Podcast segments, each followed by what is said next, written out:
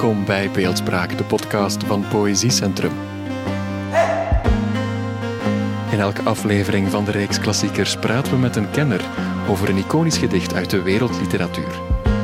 Waarom is dat gedicht zo bekend en geliefd?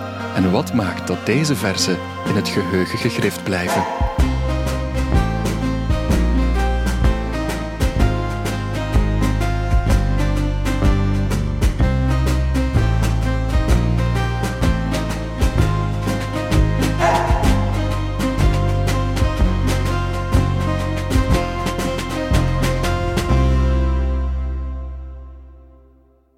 Het was in een Zinkse dagen dat Bedebos en de Hagen met groene loveren waren bevaan.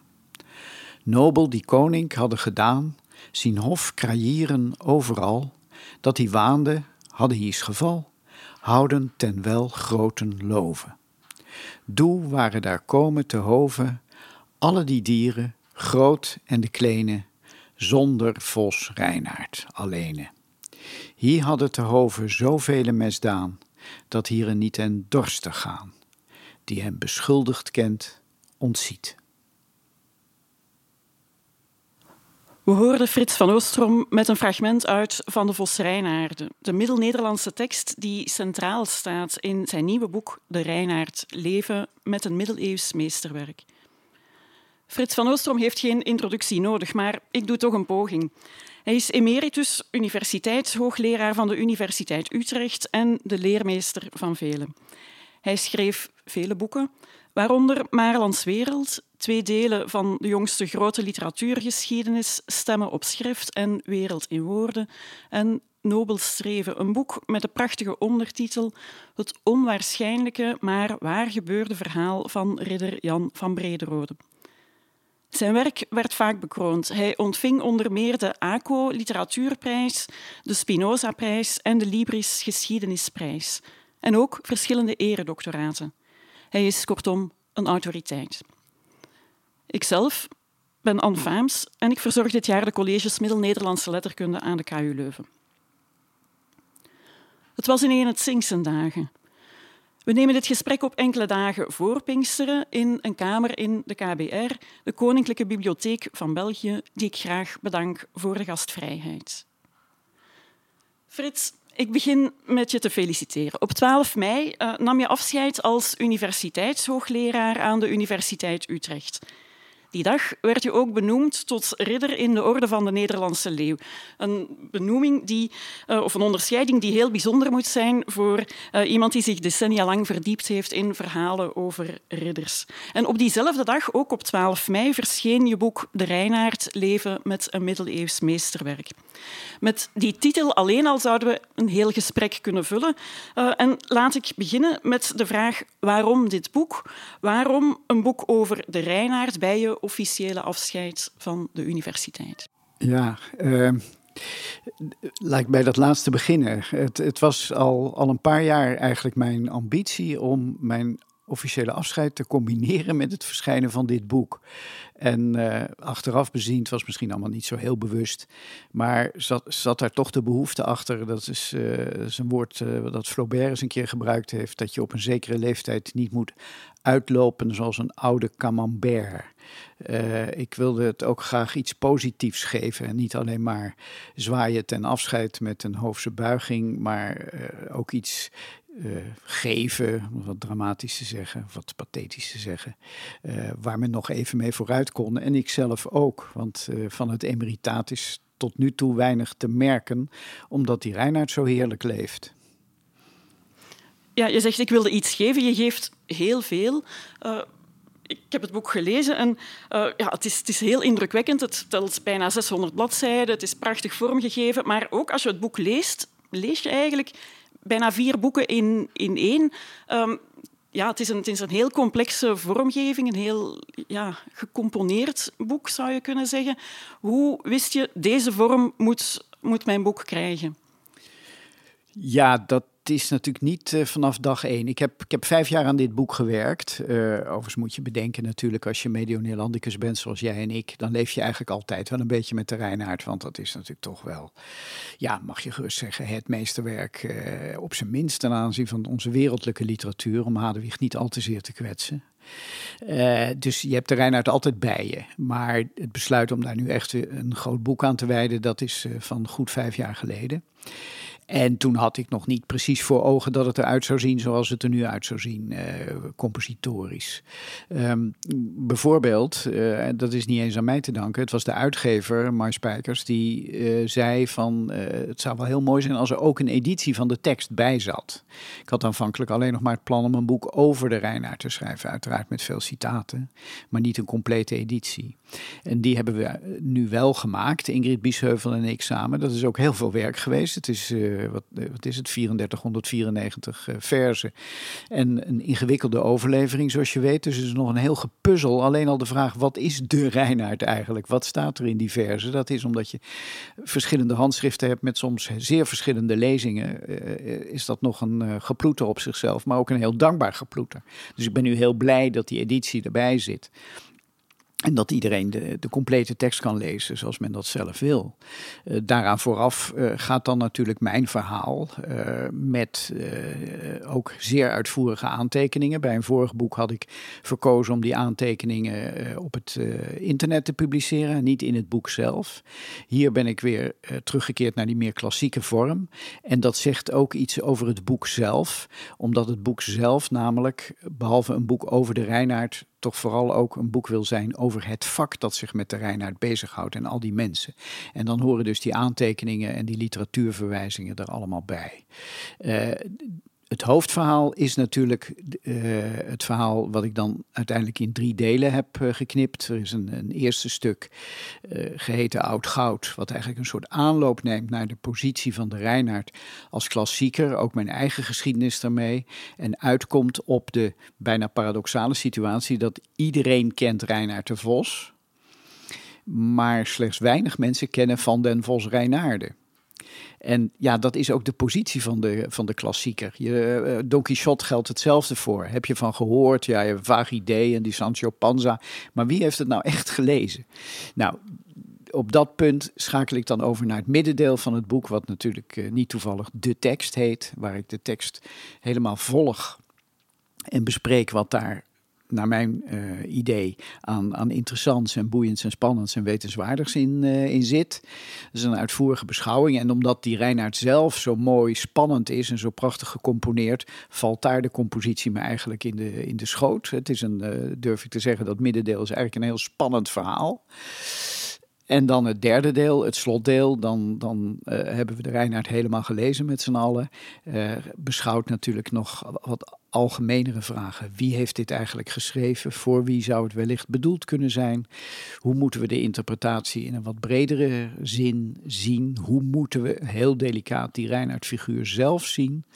En uiteindelijk ook nog wel de vraag: uh, hoe zal het eigenlijk verder gaan met Van der Vos Reinaarden? Ja, heel veel ineen. Uh, maar om misschien nog eventjes terug te koppelen naar, uh, naar die ondertitel van het werk, Leven met een middeleeuws meesterwerk. Je hebt het zelf net gezegd. Uh, je draagt die tekst eigenlijk altijd bij je als medio-Neerlandicus. Hoe, hoe moeten we ons dat voorstellen? In jouw geval lees jij elk jaar rond Pinksteren aan je naaste de, de, de tekst voor. Ja. komen er te pas en te onpas flarden van de tekst in je, in je naar boven als je gewoon door het leven gaat? Hoe, hoe gaat dat? Hoe, hoe, kunnen we ons dat voorstellen? Ja, dan meer dat tweede dan dat eerste. Ik, ik, uh, het is zelfs niet zo. Ja, de afgelopen jaren heb ik natuurlijk elke dag Reinhard gelezen. Maar, maar in de jaren daarvoor was het niet zo dat ik hem uh, jaarlijks herlas. Uh, laat staan dat ik hem voorlas aan, aan vrienden en bekenden. Um, maar je draagt hem wel met je mee in de zin, zoals je net zegt, dat je toch geregeld weer aan situaties in de Reinhard moet denken, aan verzen in de Reinhard moet denken. Er zijn ook heel veel verzen in de Reinhard die heel goed goed in het geheugen liggen. En het zijn vooral ook die situaties. En uh, nou, om eens een concreet voorbeeld te geven. Ik, heb, ik ben nooit politiek actief geweest, maar ik heb altijd wel politieke interesse gehad. Ik ken ook vrij veel mensen in de politiek. Ik volg het vrij nabij. En dan is het frappant om te zien hoe vaak je aan de Rijn uit kunt denken als je daar een beetje uh, gevoel voor hebt. Dus in die zin leef ik er ook wel echt mee. En bijna nog sterker, ik leef met dat vak. Ik leef met die, met die Reinhardistiek. Hè? Want dat is altijd wel, ehm, denk ik, als ik nu terugkijk, uh, voor mij wel kenmerkend geweest. Ik, ik hou heel veel van die middeleeuwse letterkunde. Maar ik hou er ook heel veel van wat het is om medio Neerlandicus te zijn. Om je met dat vak bezig te houden. Ja, de liefde voor het vak spat er inderdaad vanaf. Op, op eigenlijk elke bladzijde voel je wel die, die liefde. En um, ja, het is, is dan ook wel heel bijzonder dat de held van het verhaal, Reinaard, dat die uh, ja, misschien niet zo heel bewonderenswaardig is. Of tenminste in het tweede, uh, in het tweede deel van je boek. Je, je zegt zelf, uh, ja, daar, daar werd ik geholpen door de compositie van de tekst. Uh, ik denk dat er ook toch nog heel duidelijk jouw eigen hand in is, omdat je eigenlijk heel mooi het verhaal volgt en dat dan verweeft met jouw interpretatie, met jouw visie op de Reinaard.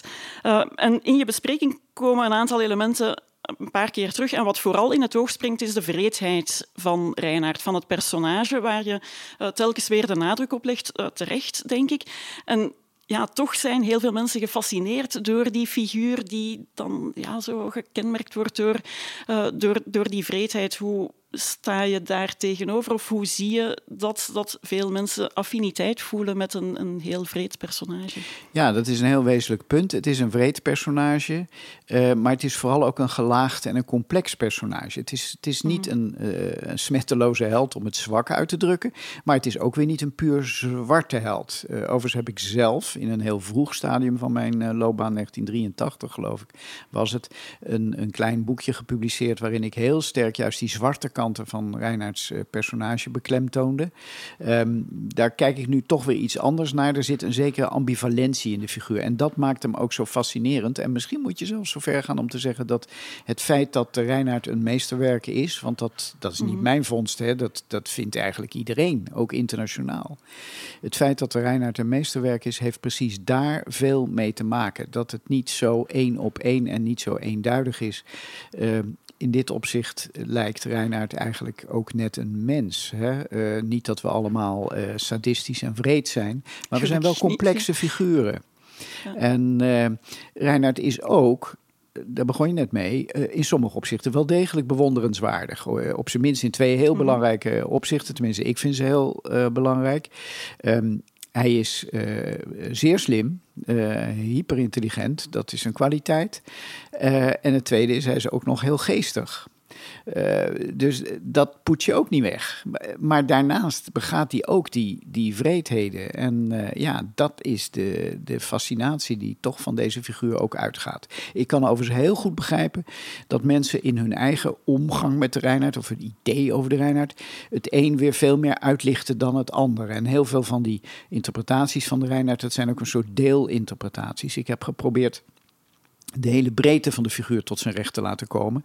Maar hij is al heel vaak gezien, ook zeker in Vlaanderen, als een, als een vrijheidsstrijder. Hè? De, de eenling die zich niet wenst neer te leggen bij, nou, en vul dan maar in als je wil, de terreur van de macht. Hè. Mijn rechtsorde is jouw rechtsorde niet. Is een tijdje in Nederland een slagzin geweest onder activisten. Hè, dat ze zich wensten te plaatsen buiten de gevestigde orde die ze niet vertrouwden. Nou ja, zo kun je ook de Reinhard lezen. Dan moet je voor een paar dingetjes een beetje je ogen sluiten misschien. Maar die kant zit zeker aan het verhaal. En Reinhard is ook al heel vaak opgevoerd als uh, de vrijheidszin van Vlaanderland. Ja, Is dat dan wat je bedoelt, hè? die deelinterpretaties met uh, in, ja, op een bepaald moment schrijf je iedereen ziet Reinaard door zijn eigen prisma. Uh, is, is dat dan wat je daarmee bedoelt? Dat, dat uh, ja, de tekst eigenlijk makkelijk aanleiding geeft tot deelinterpretaties. Ja. En dan is natuurlijk onmiddellijk mijn, mijn vraag: wat is dan jouw prisma? Hè? Want iedereen ja. heeft ja. Uh, ja, een eigen manier om naar de tekst te kijken. Wat zijn de stukjes tekst die je misschien dan toch waar je minder aandacht aan besteedt of die minder goed passen?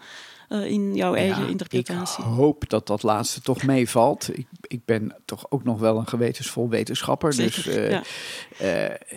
uh, ik heb niet elk vers besproken, dat is waar. Maar, maar nou, ik wil toch hopen dat ik niet hele essentiële dingen heb overgeslagen omdat ze me toevallig niet uitkwamen. Hè. Dat is de vrijheid die een kunstenaar, als hij wat met de reinheid wil, natuurlijk wel heeft.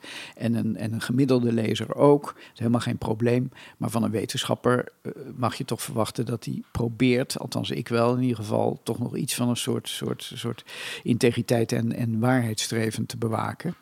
Ehm, eh, inderdaad, iedereen leest Reiner door zijn eigen prisma. Je kan dat overigens nog veel meer uitbreiden. Ik denk dat überhaupt waarneming van mensen heel vaak gestuurd wordt door de dingen die ze zelf uh, spannend of interessant vinden. Een heel triviaal mhm. voorbeeld. Uh, toen, toen wij onze eerste baby zouden krijgen, zag ik opeens overal mensen met kinderwagens lopen. Weet je, die liepen er daarvoor natuurlijk ook. Maar die had ik gewoon niet gezien, mhm. want ik was er niet mee bezig. En, en zo kan je ook dus de Reinhard, en dat is dan iets diepzinniger misschien, kan je zelf, naar jezelf toetrekken. Ja, in, ik, ik ontveins mij niet dat ik ook mijn interpretatie al probeer ik die dus zeer afgewogen te laten zijn, dat die ook wel zijn blinde vlekken en zijn voorkeuren zal vertonen. Alleen of ik dat zelf nu al zou kunnen aangeven en op dit moment is misschien een beetje vroeg. Misschien, misschien moet, moet de critici dat maar doen, moet jij het maar zeggen of anderen. Ehm, waarmee ik absoluut niet wil suggereren dat dit het laatste woord zou zijn over de Reinhard. Dat, uh, dat zal het zeker niet zijn. Ja, maar het is inderdaad ook duidelijk. Misschien moet er ook wel tijd overheen gaan, ook voor jou, omdat je uh, in het boek verwijs je ook af en toe naar je eigen visie of naar wat je zelf geschreven hebt in uh, die, die eerdere publicaties of ook in Stemmen op Schrift, waar je heel mooie bladzijden gewijd hebt aan, aan Van de Vos Rijnaarden, waar je dan in dit boek toch uh, ja, niet dat je het volledig herroept, maar waar je toch nuanceringen bij plaatst. Omdat je visie geëvolueerd is, omdat je andere dingen gelezen hebt. Nee, dat is zeker waar. Je zou, je zou het wetenschap kunnen noemen. Zeker, hè? Ja. Dat, zo, zo gaat natuurlijk heel vaak in wetenschappen. En uh, ik, ik schaam me er ook niet voor dat, uh, dat je op een gegeven moment je opvattingen toch ook weer wat bijstelt. Mm -hmm. dat, dat hoort er allemaal bij. En dat is ook gehoord. Kritiek van mensen die zeggen van ja, maar je moet eh, hierop letten of je bent dat vergeten.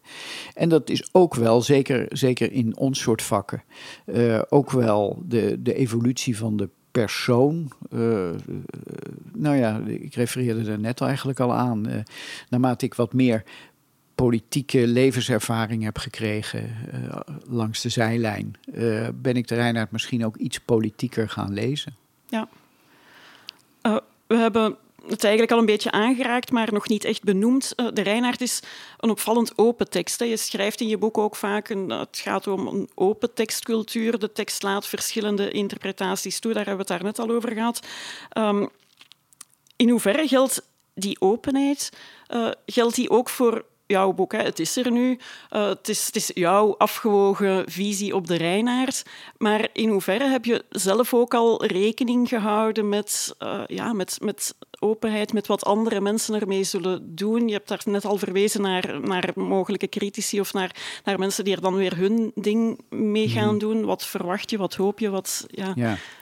Ja, ik besef nu, toen ik zelf dus al verwees naar mogelijke critici, dan lijk ik waarachtig even op Willem zelf, die in zijn proloog precies ook dat zegt. Hè? Heel uh, En meteen enorm gaat uitvaren daar. Uh, een heel interessant punt overigens. Uh, hij lijkt dus al, al vroeg te beseffen dat dit verhaal wel eens problemen en weerstanden kan oproepen. Mm en daar moeten we nog ook wel eens even bij stilstaan. Want dat, dat moet dan toch iets anders zijn dan dat hij een verhaal ging vertellen over een vos die alle andere dieren ertussen nam. Ik bedoel, als dat het alleen was, ja, waarom zou dat problemen oproepen? Uh, nee, er moet iets anders hebben gespeeld. Hij moet hebben gevreesd, verwacht dat waarschijnlijk mensen zichzelf, of in ieder geval bepaalde milieus of situaties, zouden herkennen in, in, in dit dierenverhaal. Hè? Ja. Uh, en, en daarom is hij daar niet gerust op en is hij zelfs op voorhand een beetje verbeten al op de mensen die het wel weer niet zullen begrijpen. Heel interessant. Er zit in hem een onmiskenbaar een zekere felheid in die proloog, die daarna ook uh, de felheid van Reinhard zelf zal blijken te zijn. Mm -hmm. Dichter en hoofdfiguur vallen niet samen, maar komen wel in elkaars buurt. Ja. Dit is overigens weer typisch zoiets waarin de Reinhard ook eigenlijk heel erg een moderne roman lijkt te zijn. Want je kan dat aan bijna alle hedendaagse schrijvers ook vragen. Hè? In hoeverre is het autobiografisch? Nou, dan nemen ze altijd afstand van. Gelukkig. Ik hou helemaal niet van mensen die de hele tijd alleen maar over hun eigen leven zitten te schrijven. Maar dat er, een, dat er een, een altijd toch enige correspondentie is tussen hoofdfiguren en, en auteurs, dat, uh, dat is al te bekend. En uh, hier zien we dat in de middeleeuwen. Dus dat is opvallend.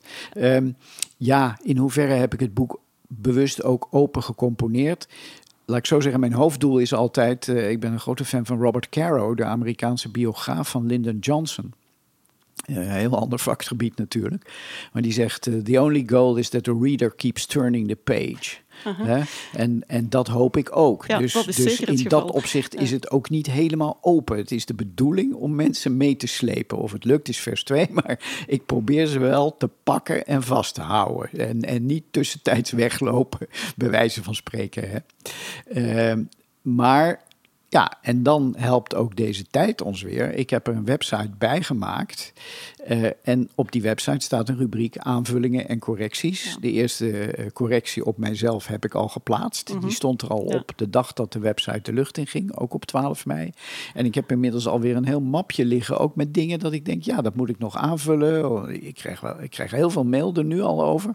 Van mensen die mij ook nog weer op dingen wijzen. Soms aanvullingen, soms eh, correcties. Gelukkig nog niet dramatisch. Maar, maar wel allemaal relevant. Ik neem dat ook allemaal heel serieus. Mhm. En ik ben reuze blij dat we nu dankzij dat internet zo'n medium hebben om eh, daar, daar recht aan te doen. En Ja. in dat opzicht is, want heeft een boek, een wetenschappelijk boek, ook inderdaad iets paradoxaals. We hadden het er net over. Het is niet het laatste woord. En toch is zo'n boek ja, een vrij definitieve vorm. Ehm, het wordt nu herdrukt. Daar ben ik heel blij mee dat dat al zo snel gaat. Kan je eventueel een paar hele kleine technische foutjes kan je daarin herstellen. Maar je gaat natuurlijk niet hele alinea's, laat staan hoofdstukken herschrijven. Zover lijkt het ook nog niet nodig hoor. Maar, maar eh, ja, je zit op een gegeven moment toch aan die tekst vast zoals die verschijnt. En ze ook bij Maarlands Wereld, waar we inmiddels aan de vijftiende druk zijn of zo. Ik heb, als je ze naast elkaar legt, zitten er hele kleine verschilletjes tussen, maar het is niet omgewerkt. Mhm. En op het web kan je in dat opzicht natuurlijk veel meer vrijheid toelaten. Ja, en als ja, dat is wel een verrijking. Als getuigenis van die levende wetenschap ook. Waar Levende het- wetenschap. En dan vind ik het ook altijd fijn om te vermelden aan wie ik die suggesties allemaal dank en zo. En zo heb je vandaag de dag, eh, ook als schrijver, natuurlijk een, een, een, een heel levend verkeer eigenlijk met je lezers. Iets wat je vroeger helemaal niet had. Mhm. Ja, je had het daar net al over Willem. Eh, jij noemt hem in je boek een paar keer Willem die de Reinaard maakte, wat een aparte eh, manier is om hem te benoemen, omdat we hem voordien vooral Willem die Madocco maakte eh, noemden. Ja. Ja, ook zelfs na je boek blijft Willem die de Reinaard maakte toch nog een raadsel. Ja, Eh, je hebt daar net al wel iets over hem gezegd. Eh, hij is heel fel, of de felheid van Reinaard, die zien we eigenlijk ook al in de proloog, als hij het over zichzelf heeft of over zijn eigen rol in, in, in het literaire leven van, van zijn tijd. Hoe verhoud jij je tot Willem, eh, die Ja. de Reinaard maakte? Eh, ik vraag het vooral omdat ik een vermoeden heb dat je zelf heel veel bewondering hebt voor de figuur van Jacob van Maarland. Mhm. Eh, Jacob van Maarland is een heel andere schrijver, een Klopt. heel andere persoon wellicht dan Willem die de Reinaard maakte. Dat is Dus, waar. ja. Maar ik denk dat ik wel een talent heb voor bewondering. Dus het, het kost mij geen moeite om ze allebei te bewonderen. Ja, op hun eigen oké. merites eigenlijk. Bij Maarland is, is die, die permanente onderwijzer die daar aan het woord is... die is mij eigenlijk ook heel erg dierbaar. En ik, ik probeer hem ook te zien in een spanningsveld... waar hij ook probeerde, zoals iedereen eigenlijk, het beste van te maken.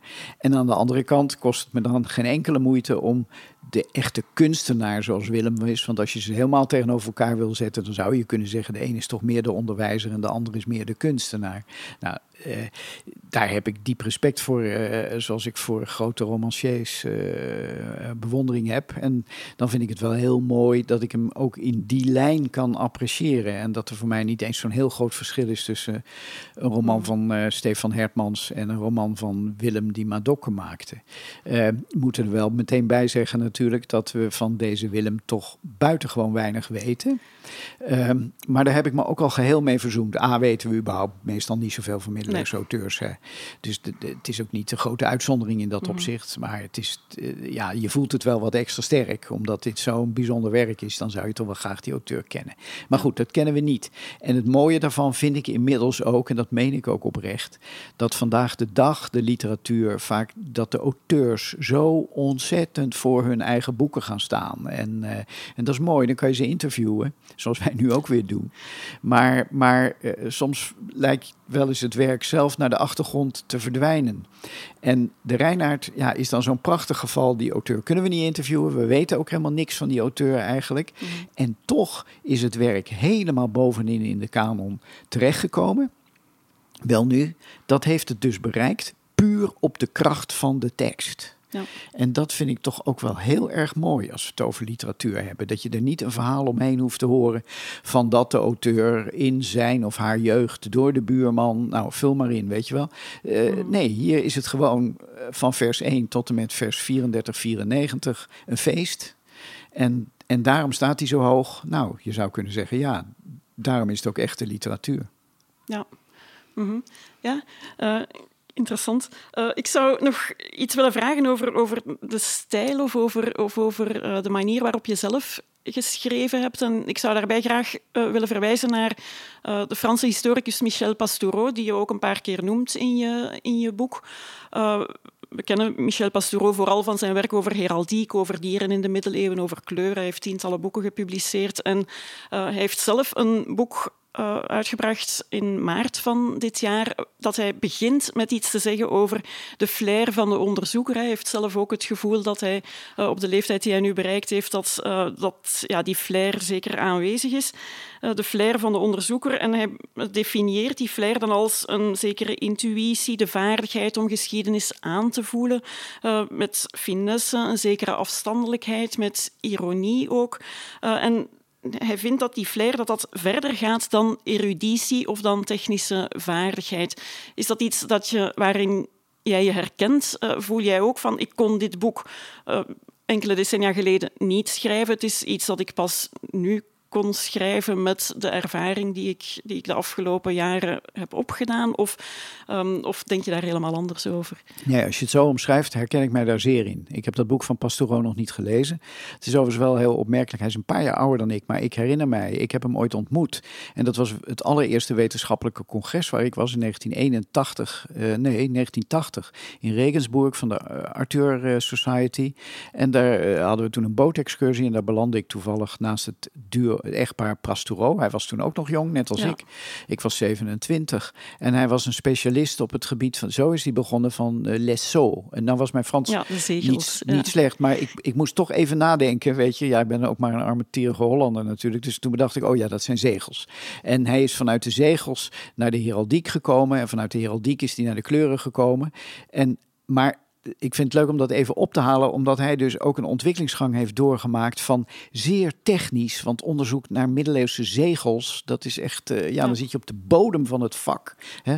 Uh, die publicaties die hij daaraan heeft gewijd, die, eh, die zullen geen breed publiek bereiken. Maar hij is daar op een gegeven moment naartoe gegroeid en inderdaad ongelooflijk productief geworden met een heel interessant, nog altijd op basis van zijn specialisme natuurlijk. Hè? Hij, hij, hij zit niet algemene boeken over de middeleeuwen te schrijven. Het gaat toch altijd wel vanuit, vanuit vanuit zijn vakdiscipline. Nou, dat, dat herken ik dan ook wel. En als je nu zo weergeeft, ik heb dat nieuwe boek nog niet gelezen, maar, maar hoe die daar dan uh, de houding, de habitus van de, van de rijpere, volrijpe, overrijpe historicus uh, typeert, uh, zie ik daar veel herkenbaars in. Ja, inderdaad, mm het is wat vrijer in zekere zin. Kijk, als je een proefschrift schrijft, ja, dan zul je toch een, een commissie moeten overtuigen. Nou is dat ook niet het allermoeilijkste van, van het proefschrift maken. Hè. Je moet gewoon een goed boek maken en dan zal die commissie heus wel meegaan. Maar het is toch een beetje een examen.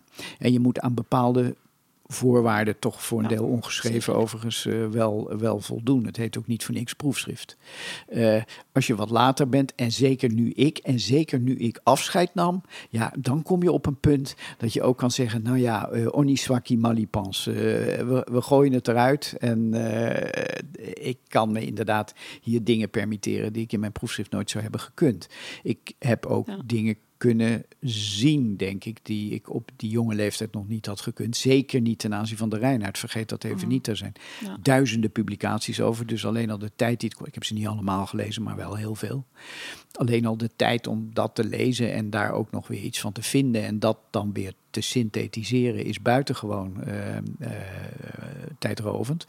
Uh, ik zou ook niet heel gauw een jonge vakgenoot aanraden om dan te promoveren op de Reinaard. aan de andere kant heb ik dit boek mede bedoeld om juist voor jonge vakgenoten toch, ik geloof dat ik ergens schrijf, uh, het pad van de Reinhard opnieuw te plaveien. Hè? Omdat mhm. het zo onoverzichtelijk was geworden wat er allemaal over geschreven is. Nou, met mijn boek in de hand krijg je in ieder geval een gids. Uh, dus ook maar één gids, maar wel een gids. En het laatste punt wat je noemde van Pastoureau, dat herken ik ook wel, die ironie. Uh, dat heb ik al altijd een beetje gehad hoor. Uh, ook toen ik nog voor de schoolkrant schreef. Uh, altijd ah, ja, wel. zo vroeg al, ja. Ja, ja, ja. Ik, ik, en dat wil helemaal niet zeggen uh, dat ik mensen wil bespotten of zo. Integendeel eigenlijk. Ik heb een grote behoefte om ze juist positief neer te zetten. Maar wel met enige ironie. Omdat op afstand in de tijd, al helemaal natuurlijk. Nou ja, wat is het beroemde gezegde? comedie is tragedie plus tijd. Hè? Uiteindelijk ja, ga je naar alles kijken. En, en dat vind ik wel mooi, zolang je ook maar beseft dat er zo ook naar ons gekeken zal worden natuurlijk. En, uh, en daar hoeven we echt niet 700 jaar op te wachten hoor. Mhm. Waar had je het gevoel dat je iets aan het permitteren was dat je eerder niet zou hebben gedurfd? Nou, met name in het frequente gebruik van ik. Uh, in, in al mijn vorige boeken, denk ik, kun je het ik in de zin van Frits van Oostrom met een lantaarntje zoeken. Ik betwijfel zelfs of erin staat. Ja. Uh, en, en hier dit boek is ook mijn eigen verhaal mhm. over mijn kennismaking met de Reinaard, hoe ik het op school onderwezen kreeg, mijn gang naar de studie Nederlands, de geweldige docenten die ik daar heb gehad, hoe ik mij in dat vak heb bewogen uh, de, met de collega's enzovoort enzovoort. In dat opzicht zijn het ook uh, een klein beetje memoires en uh, de, ja, dat zou je op proefschriftniveau uh, niet aanraden. Ik zou, ik, zou dat, ik zou me daar, denk ik, als ik beoordelaar was van een proefschrift, ook een beetje aan ergeren. Iemand van 27 die al zijn levensverhaal gaat vertellen. Kom op, zeg. mm -hmm.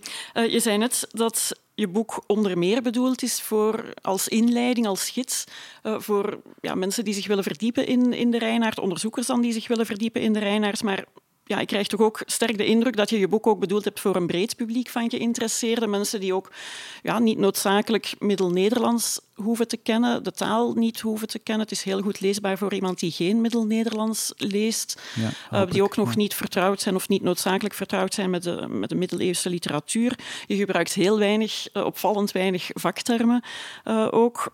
En ik vroeg me af, omdat je ook vaak schrijft over het belang van het onderwijs in het verspreiden van het uh, verhaal van, uh, van de Vos Reinaard. Je, je, noemt een hele galerij ook van, van onderwijzers uh, die een rol hebben gespeeld in je eigen leven, in het leven ongetwijfeld van, van andere mensen. Um, en die ook vaak hervertellingen hebben gemaakt voor kinderen.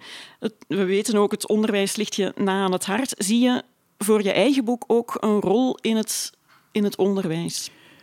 Ik hoop het wel. In ieder mhm. geval heb ik heel uitdrukkelijk de bedoeling natuurlijk dat, en dat, dat, dat heeft een hele grote rol gespeeld bij de hele compositie en stilering van het boek, dat het een veel breder publiek kan bereiken dan alleen maar vakgenoten. Er zijn mhm. er ook uh, zeer veel meer van gedrukt dan er vakgenoten zijn.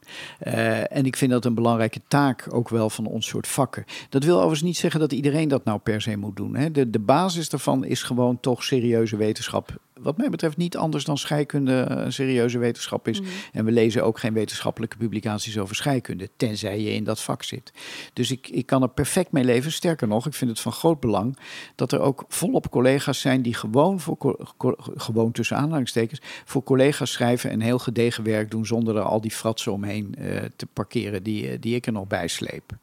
Maar het is wel fijn als wetenschappen uh, en dan zeker mensen die daar, uh, nou ja, zeker, zeker ambitie in hebben. En, en mag het zijn ook een zeker talent. Uh, af en toe naar buiten treden om te communiceren met de, met de grote buitenwacht. En dat geldt zeker voor dit soort vakken. het aantal mensen dat, dat een zwak heeft voor taal, voor geschiedenis, voor kunst. Voor, ja. ja dat is immens. Dus we zouden die mensen vreselijk in de kou laten staan als we daar niet af en toe een mooi boek over bijvoorbeeld Reinhard de Vos, maar je mag mhm. ook elk ja. ander invullen, uh, zouden, zouden schrijven. Dus dat, dat speelt bij mij een enorme rol.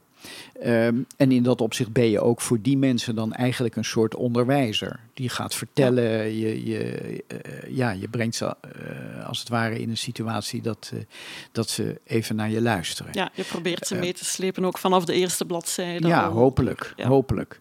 Um, heel concreet of dit boek specifiek in het onderwijs bruikbaar is. Nou, ik zou hopen ook wel enigszins. De Reinaard, laten we dat niet vergeten, de, de middeleeuwse tekst, al dan niet in een navertelling of in een rap, hè, zoals ze dat tegenwoordig ook mhm. zijn. Er is van alles. Uh, speelt in het onderwijs nog altijd een hele grote rol. En ik uh, heb ook recent allerlei leraren gezegd, uh, en dat heb ik dankbaar gebruikt ook voor mijn boek, dat ze, dat ze nog altijd hele goede ervaringen hebben met dat verhaal van de Vos in de klas. Kinderen vinden dat leuk. Dat, ja, dat heeft een hele grote bekoring. Nou, het zou wel mooi zijn als die, op zijn minst die onderwijzers dan dit boek van mij ook een beetje in hun bagage meedroegen. En het kan helpen om mhm. extra te selecteren waar ze de aandacht op willen vestigen. Of nog eens een keer een, een mooi verhaal eromheen te vertellen dat ze zelf nog niet kenden. Uh, in dat opzicht, ja, is voor mij denk ik dat, dat schoolmeesterschap uh, wel heel wezenlijk en doortrekt het ook mijn schrijverschap. Mm Oké. Um, Misschien nog een laatste vraag. Uh, je noemt Willem een beeldhouwer in woorden. Hij gebruikt heel veel beelden, heel sprekende beelden. Is er een beeld dat er voor jou echt uitspringt? Ja, hij is vooral ja, een beeldhouwer wordt. Het is een groot stylist. Dat helpt natuurlijk ook voor de appreciatie van het werk. Het is niet alleen het komische verhaal. En mhm. het verhaal met, een, met ook wel een beklemmende les over verhouding tussen individu en gezag, zeg maar. Maar het is ook nog eens dus heel geestig en heel geestig opgeschreven. Eh, Willem zelf grosseert niet zozeer in beeldspraken. Uh, maar waar hij bijvoorbeeld meesterlijk is in, in is, is dialogen hè? En, en mhm. gesproken woord. Eh, echt, echt geweldig gedaan, wat heel moeilijk is voor een romancier. Hè? Ik ben blij dat ik in mijn non-fictieboeken geen dialogen hoef te verzinnen. Het lijkt me vreselijk moeilijk. Maar Willem was daar ongelooflijk goed in. Uh, als het echt om zijn beeldspraak gaat, is natuurlijk wat het meeste aandacht heeft getrokken in het onderzoek, en terecht ook wel, uh, die, die uh, metaforiek van de ruimte, die hij veel hanteert. Dus Reinaard uh, bewandelt kromme paden. Ja, dat zijn natuurlijk de kromme paden van de list. En dat is niet alleen letterlijk een krom pad, maar dat past natuurlijk helemaal bij wat hij aan het doen is. En zo zit er heel veel in. Hè. Butenwegen in de Reinaard is mm. eigenlijk al een aanwijzing dat het met het persoon in kwestie de verkeerde kant op gaat. Hij gaat van het pad af. Hè. We, we voelen dat er altijd nog wel na. En dan vind ik wel een hele mooie, bijvoorbeeld dat de koning op een gegeven moment van zichzelf zegt. En hij, hij denkt dan nog dat hem dat niet zal gebeuren. Maar dat gaat natuurlijk wel gebeuren. Ik waren ontwegend. Hè? Zoals, zoals mijn kinderen dan eh, zeggen, van het padje. Ik weet niet of dat in Vlaanderen ook een uitdrukking is geworden. maar in uh, Nederland kan je dat wel zeggen. Iemand is van het padje. Dan, dan, vind ik de, ontwegend, vind ik, ja, zeker voor een koning, uh, een stuk chiquer. Maar het is een mooi beeld eigenlijk. Ik zou niks tegen hebben als dat woord weer in het Nederlands zou worden ingevoerd. Uh, ik, ben, ik ben ontwegend. Ja. Um, Hierbij maar, doen we een oproep. Ja, ja, ja. Nou ja, uh, iets meer Reinaard taal. Uh, ja, kijk, ik hou natuurlijk ontzettend van die levende taal. En, en die verandert ook. Ja. En als daar af en toe weer eens iets uit het Middel-Nederlands in opduikt, zou, zou mij dat een groot genoegen zijn. Ja. Mm -hmm. Mooi. we zijn daar net begonnen met een passage uit van de Vos Reinaarden. Zou je om af te sluiten nog een passage en een paar versen willen voorlezen? Ja, natuurlijk. Um, laat ik dan eens iets kiezen wat je, wat je niet zo vaak hoort. Uh, het, het is wel tamelijk uit het begin van het verhaal. Het speelt nog op de hofdag. Hè. Alle dieren zijn samengekomen aan, bij de troon van koning Nobel. En ze mogen klagen. Iedereen heeft klachten natuurlijk over Reinaard de Vos, de enige afwezige. Het regent klachten. Uh, en uh, de ergste klacht is meteen de eerste van, van Isengrin de Wolf, de aardsvijand van, van Reinaard. Nou, zo het, er pakken zich hele donkere wolken duidelijk samen boven over de afwezige vos. Hij is uh, zeer verdacht. En dan is er één figuur die het voor hem opneemt. Hè? Dat is Grimbeert de Das. Uh, die is ook verre familie. En uh, die gaat een tegenpleidooi leveren. En en dat zijn wel mooie versen. En daar hoor je ook iets van, van, die, van die kracht van het gesproken woord, zoals Willem dat kon, kon hanteren. Laat ik daar maar een stukje van, van doen. Graag. Doe sprang up, Grimbeert die das, die Reinaards broeder zone was, zijn neef dus, met enige verbolgen lieke talen. Hij is boos op zijn beurt. Heren Isegrien, men weet dat walen, en dat is een oud biespel, oud spreekwoord, vians mond zijt zelden wel. Wat wiet die Reinaarde minen oom, wat maakt u hem verwijten? Ik wilde hier hingen aan een boom, bizieren kelen als een dief die anderen heeft gedaan meest grief. Is nog maar te bezien wie de meeste dingen heeft misdaan. Heren Isegrien, wil die aangaan zoendink en de dat ontvaan, daartoe wil ik helpen gerne. Ik wil u wel proberen te verzoenen. Mijn oom en zal hem ook niet werne. En die meest anderen heeft misdaan, zal den anderen in baten staan van mijn oom en de van u. Dus een juridische redenering. Uh, laten we kijken of we tot verzoening kunnen komen. En dan degene die het meest heeft misdaan, die moet de ander uh, genoegdoening uh, betuigen. Al komt hij niet klagen nu, mijn oom, hij is hier niet om te klagen, maar waren mijn oom wel te hoven en de stonden in konings loven heren Isegrien als een doet, en zouden den koning niet denken goed en de heden onbegrepen, dat gij miens ooms vel hebt genepen zo dik wielen met uw scherpe tanden, dat hij niet ne konde gehanden. Dus u hebt minstens zo vaak met uw scherpe tanden mijn oom iets misdaan als andersom. Isengrien sprak, heb die geleerd aan u een oom, dus liegen appeert, zo aperte leugens te verkopen? In hebben daaraan niet gelogen. Gie hebt een oom bedrogen, harde dikke in meniger wieze. Gie mesletene van de pladieze, dat is van de vissen, die u warp van der kerre. Doe gie hem volgend na van verre, en de gie die beste pladieze uplazet, daar gie u zelf mede verazet. Dus een referentie aan een eerder avontuur. U heeft ooit samen vis gestolen. Reinhard zat op de kar en gooide de vissen eraf, om ze dan natuurlijk samen als buit soldaat te kunnen maken. En u at ze allemaal op voordat Reinhard uh, er nog aan te pas uh, kon komen. Gine gaaft hem no goed, no kwaad, zonder alleen enen pladiezen graad, dat gie hem te jegen brocht doordat Gine niet en mocht. Dus ja, hè, u heeft hem alleen maar één graadje gegeven eh, wat, wat u echt niet meer zelf opkomt.